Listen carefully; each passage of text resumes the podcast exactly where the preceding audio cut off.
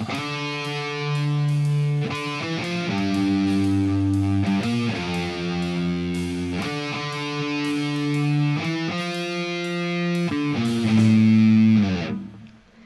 og velkommen til podkasten Uønska. I denne episoden skal vi fortsette praten med Eli Hermine fra Ingeborg-nettverket. Jeg tenkte jeg skulle spørre om dere har fått noen henvendelser. Om du kanskje kunne snakke litt om det? Ja, vi har Jeg syns egentlig det er overraskende få henvendelser. Eh, men jeg har fått noen. Og jeg, det handler i all hovedsak om eh, forskjellsbehandling. Jeg ser jo at noen ganger når jenter ikke har det greit på jobb, så blir det håndtert veldig dårlig hos noen. Eh, veldig mange håndterer dette veldig ryddig og veldig bra, men en klassiker er jo det at en jente som er, eller kvinne, som du er etter å ha, begynt, etter å ha ferdig på skolen, når du har begynt i jobb, så er det jo, du vet det, at det er en forskjell på kvinne og, kvinne og jente. Det, det, går på når du begynner å jobbe, da. Men hvis en kvinne har blitt utsatt for noe som er ubehagelig på jobb, eh, og varsler det i bedriften sin, så blir det veldig mange ganger håndtert dårlig. Det kan f.eks. bli håndtert på den måten at hun blir omplassert på et annet prosjekt. Og så får den som har da trakassert, fortsette som om ingenting har skjedd. Jeg syns det er en dårlig måte å håndtere det på. Det er også sånn at jenter blir fryst ut, og som, ikke, som føler Altså, dette er veldig vanskelig, for at kvinner og menn opplever jo, oppfatter jo ting på en sånn veldig forskjellig måte. Jeg tror at hvis jeg som kvinne hadde opplevd noe dårlig, så kan jeg kanskje ha behov for å snakke med noen andre om det. Bare for å få lufta det og liksom rensa huet mitt i forhold til åssen skal jeg håndtere det. Og kanskje få noen tilbakemeldinger på hva vedkommende syns, eller at, at noen rett og slett bare hører på meg. Det kan jo være en god start. Mens hvis du, hvis du snakker sånn med jente, sånn fra kvinne til kvinne, da, så tror jeg at, eh, at, den dialogen er lettere enn hvis du går og snakker med en mann. For menn er skrudd sammen litt annerledes enn oss. Menn skal jo ordne opp, de. Eh, sånn at eh, istedenfor at du da bare har lufta noe med noen, så kan det liksom fort få litt sånn fart på seg og så bli helt annerledes enn du hadde tenkt. Og det er viktig å ha, liksom ha litt åpne altså Rett og slett ha snakka om sånt på en arbeidsplass. Enten det er en ung eller voksen kvinne eller mann som ikke har det bra på jobb, så er det viktig å snakke om hvordan man håndterer det. da. Her i høsten 2021 så hadde jo Ingeborg-nettverket sin Jeg husker ikke om det var Det må jo ha blitt femte inspirasjonsdag. Eller ja, det var ikke inspirasjonsdag første gang vi møttes da. Men vi har en inspirasjonsdag hver høst. Og den har vært digital et par år nå. Og i høst så hadde vi besøk av en forfatter som heter Helene Uri. Som har skrevet en bok som heter 'Om kvinner, menn og kjønn'. Eh, eller het den 'Om kvinner, menn og språk'? Nå ble jeg litt usikker. det har ikke hørt om den, så jeg kan dessverre ikke rette på det. Det heter 'Om kvinner og menn og språk', ja, fordi at det Helene Uri snakka om på inspirasjonsdagen, er hvordan språk påvirker hvordan vi oppfatter ting, og hvordan vi håndterer ting. Eh, hun snakka bl.a. veldig mye om et eksempel fra vår bransje da, er at eh, hvis vi kaller det læregutt, er jente å tenke at du skal bli læregutt. Men hvis vi hadde kalt det en lærling, så er det noe helt annet. Hun viste til en undersøkelse hvor en politimann hadde vært inne i en klasse på en skole og snakka litt om hvordan det var å være politimann. Og da var det veldig mange av de guttene i den klassen som ville bli politimann, men ingen jenter. Så gjorde de akkurat den samme øvelsen i en tilsvarende stor klasse med samme fordeling av jenter og gutter. Men da var det både en, eh, så var to politibetjenter som var med inn, da, en kvinne og en mann. Hvor de snakka om det å være politi.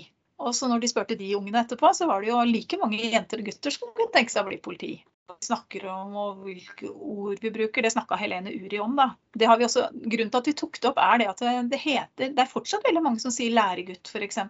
Eh, vi bruker liksom ordet formann. Eh, altså Fram til i, for et par år siden så het ikke lederen i Rørentreprenørene Norges styreleder, det het styreformann.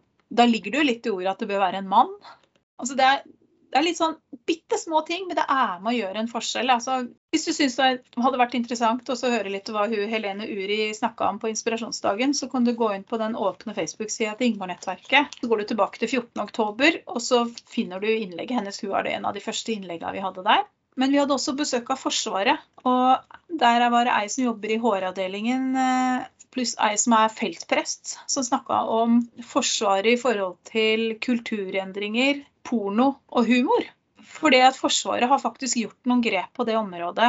Hva er liksom grei humor? For veldig mange ganger så kan jo ting som skjer på jobb som oppleves ubehagelig, handle om misforstått humor også. At folk rett og slett enten har dårlig humor, eller ikke skjønner humoren til sine arbeidskollegaer og kanskje tillater seg litt vel mye. Det syns jeg var veldig interessant å høre den jobben de hadde gjort der. Og det er nok noe vi kanskje burde vurdert å sett litt på etter hvert også i, og snakka mer om da, i byggebransjen. Ja, det, det, handler jo, det handler jo veldig mye om grenser. At folk har mm. Eh, forskjellige grenser for hva de tåler mm. å høre. Jeg pleier å sammenligne det litt med å bade. At noen syns det er greit med iskaldt vann, og andre må ha det ganske varmt.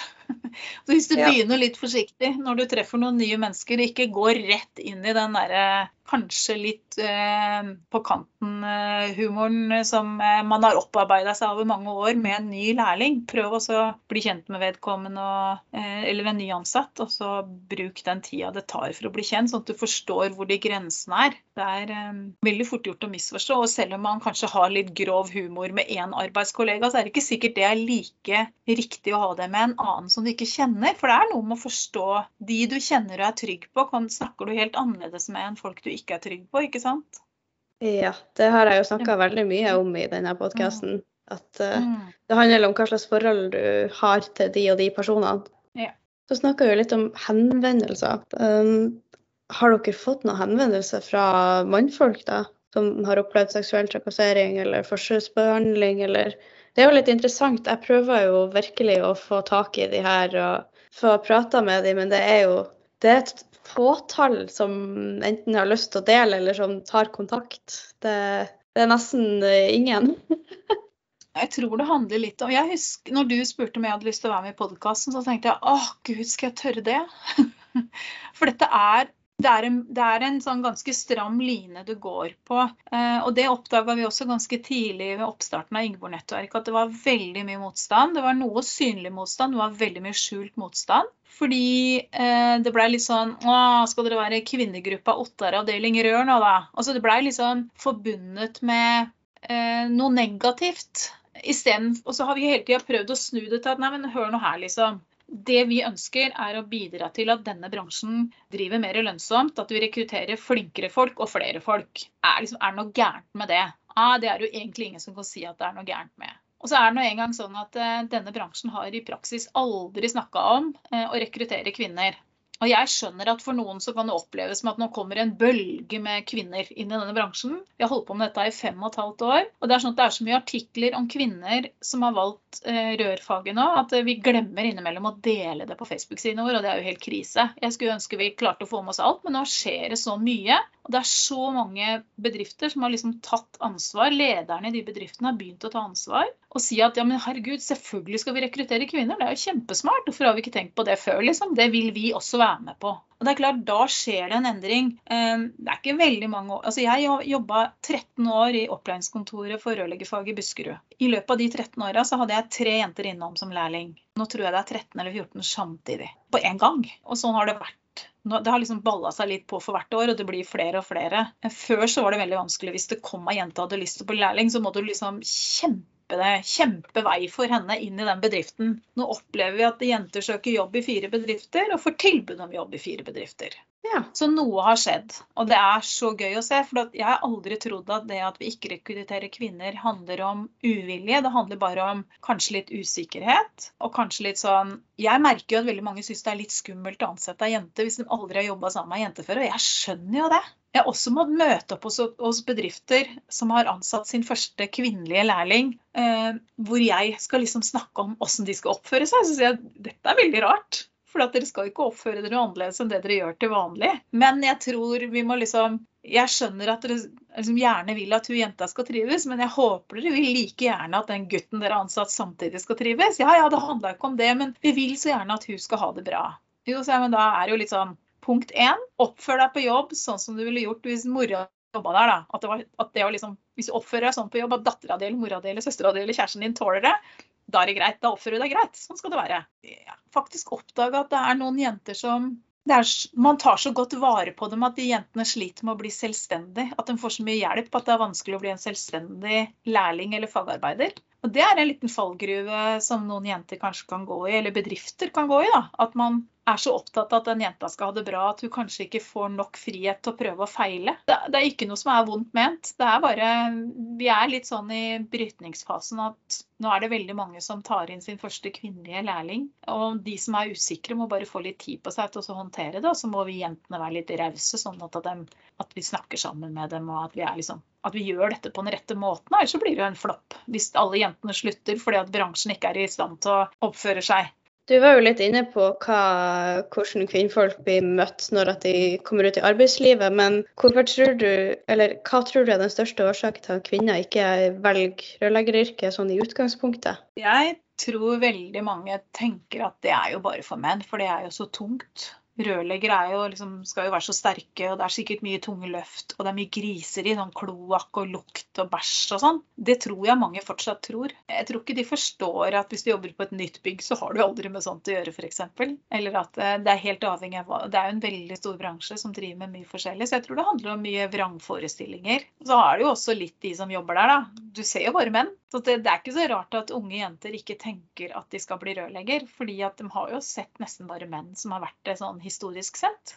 Eh, vi hadde et møte i Trondheim eh, hvor mange rørleggere og lærlinger møttes. Og så var det veldig mange andre med som ikke var rørleggere, men som jobba med andre ting. Og da husker jeg en kommentar etterpå var er, hun rørlegger, eller hun, eller hun? For jeg tror det var et bilde oppi hodet på mange av disse folka som var på min alder eller eldre, om at en kvinnelig rørlegger var liksom sterk, litt sånn masse tatoveringer og kjempetøff. At det var liksom et eller annet sånn bilde at du måtte være en eller annen sånn ja, Machofigur. Ja, du må liksom være så tøff og macho at det var et bilde på hvordan en rørlegger var. Og så møtte de der liksom jenter som var lærling, som var under 1,60 høye og sikkert ikke veide mer enn 50 kilo. Og var sånn, Hæ, er det mulig, liksom? Og dette hadde jo de fortalt når hun kom hjem på jobb. Og så delte hun noen innlegg på Facebook og sånn etterpå. De var sånn Hun er rørlegger, og hun er rørlegger, og tenk på det! Og så sier jeg, men det viktigste vi i Ingeborg-nettverket gjør, er jo å prøve å normalisere at det å være Altså alle slags jenter kan bli rørlegger. Du må ikke være den eller den typen eller være så og så høy eller sterk. Altså, du kan du faktisk få til selv om du er liten og feminin, da. Eller om du er stor Altså det er ett fett. Det viktigste er bare at du har lyst på en spennende jobb med mange muligheter, liksom.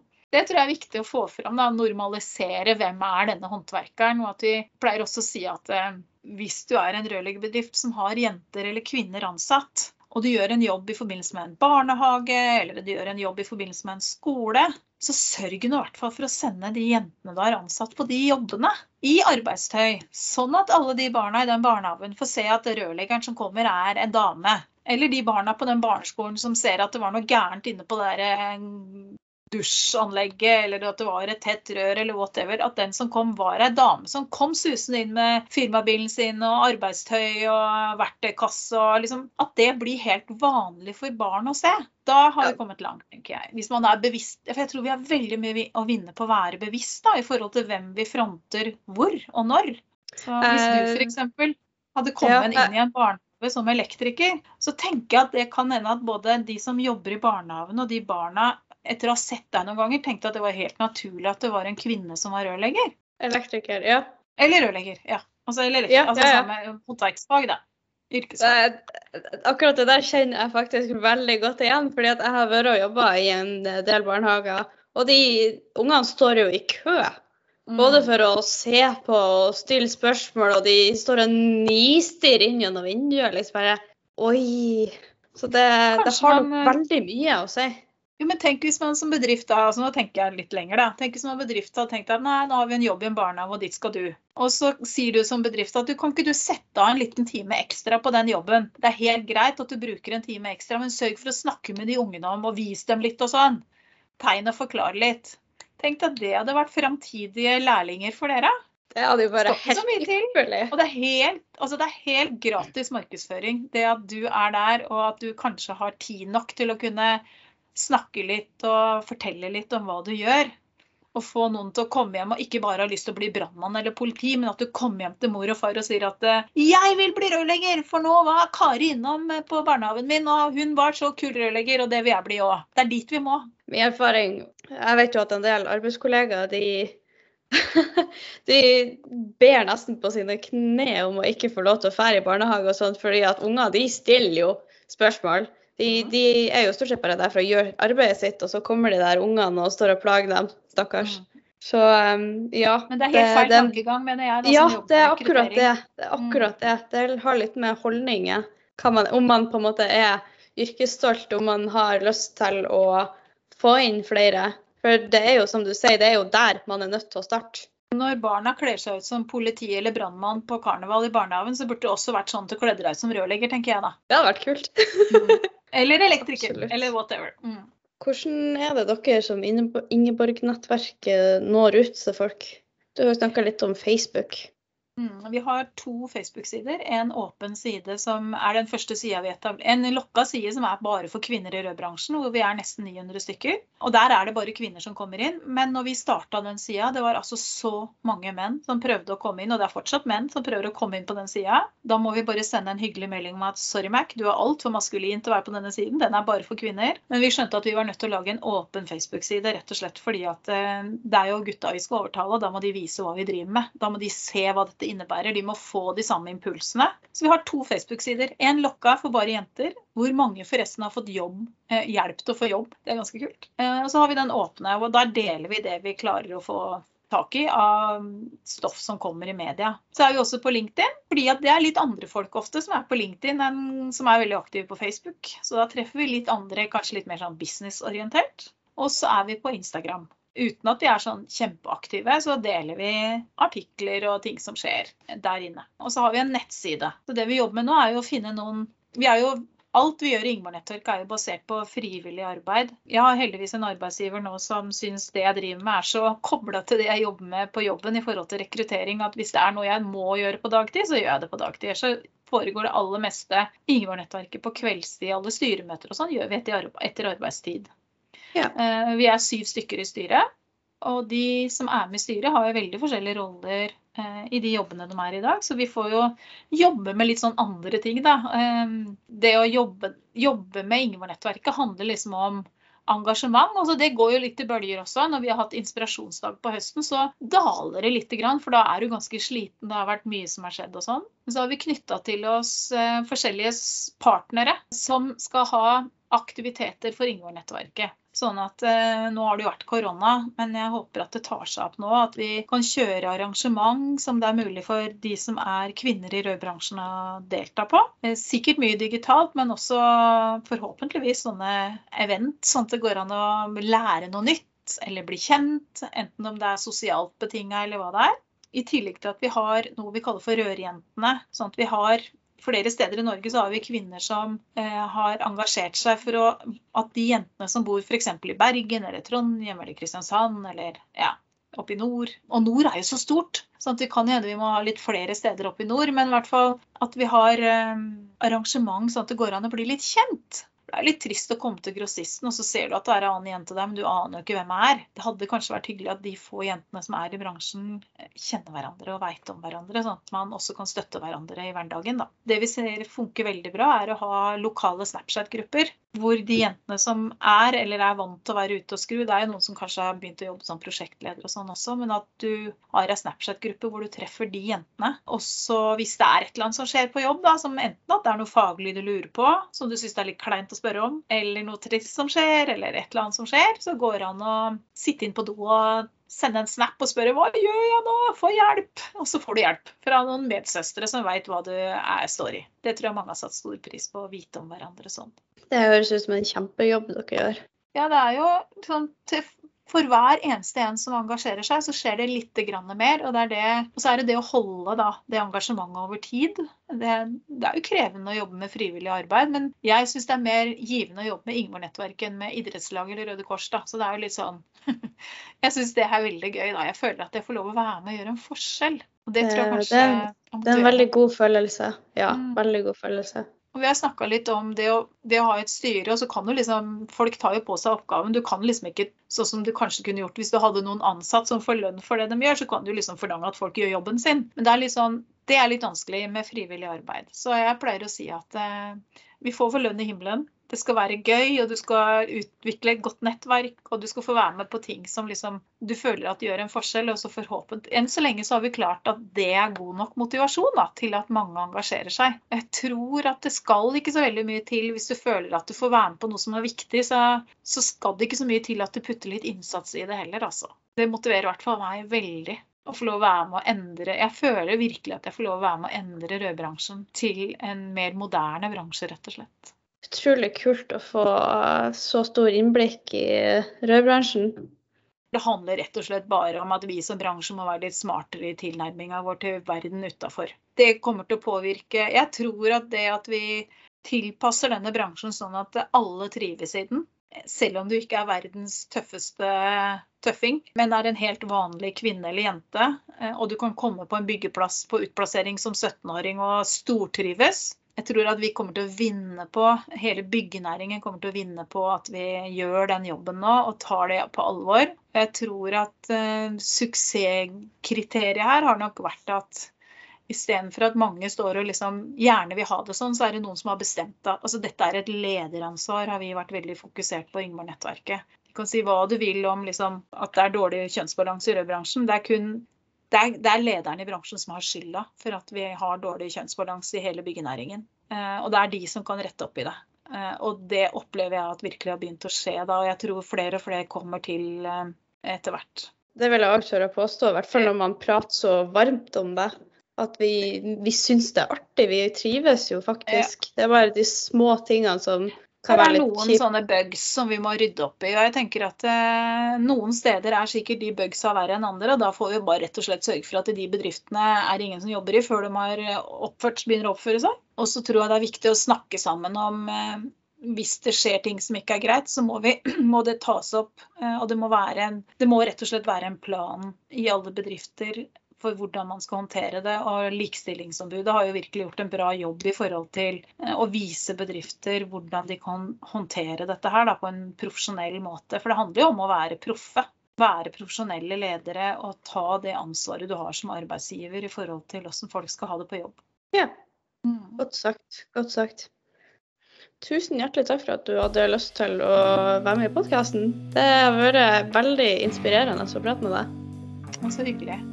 Jeg er veldig inspirert av å høre på deg, jeg, da. Så jeg håper at eh, det er mange som har tar inn over seg at eh, hver og en kan bidra til å gjøre verden i byggenæringen til en bedre plass for alle ved måten vi oppfører oss på. Hvis du har en historie du kunne tenkt deg å delt, eller som du ikke helt vet hva du skal gjøre med, skriv til oss på Instagram uønska, eller på e-post uønska.outlook.com. Jeg ønsker å fjerne skam og frykt fra seg ifra. Jeg ønsker at folk skal trives på jobb. Takk for at du hørte på podkasten Uønska.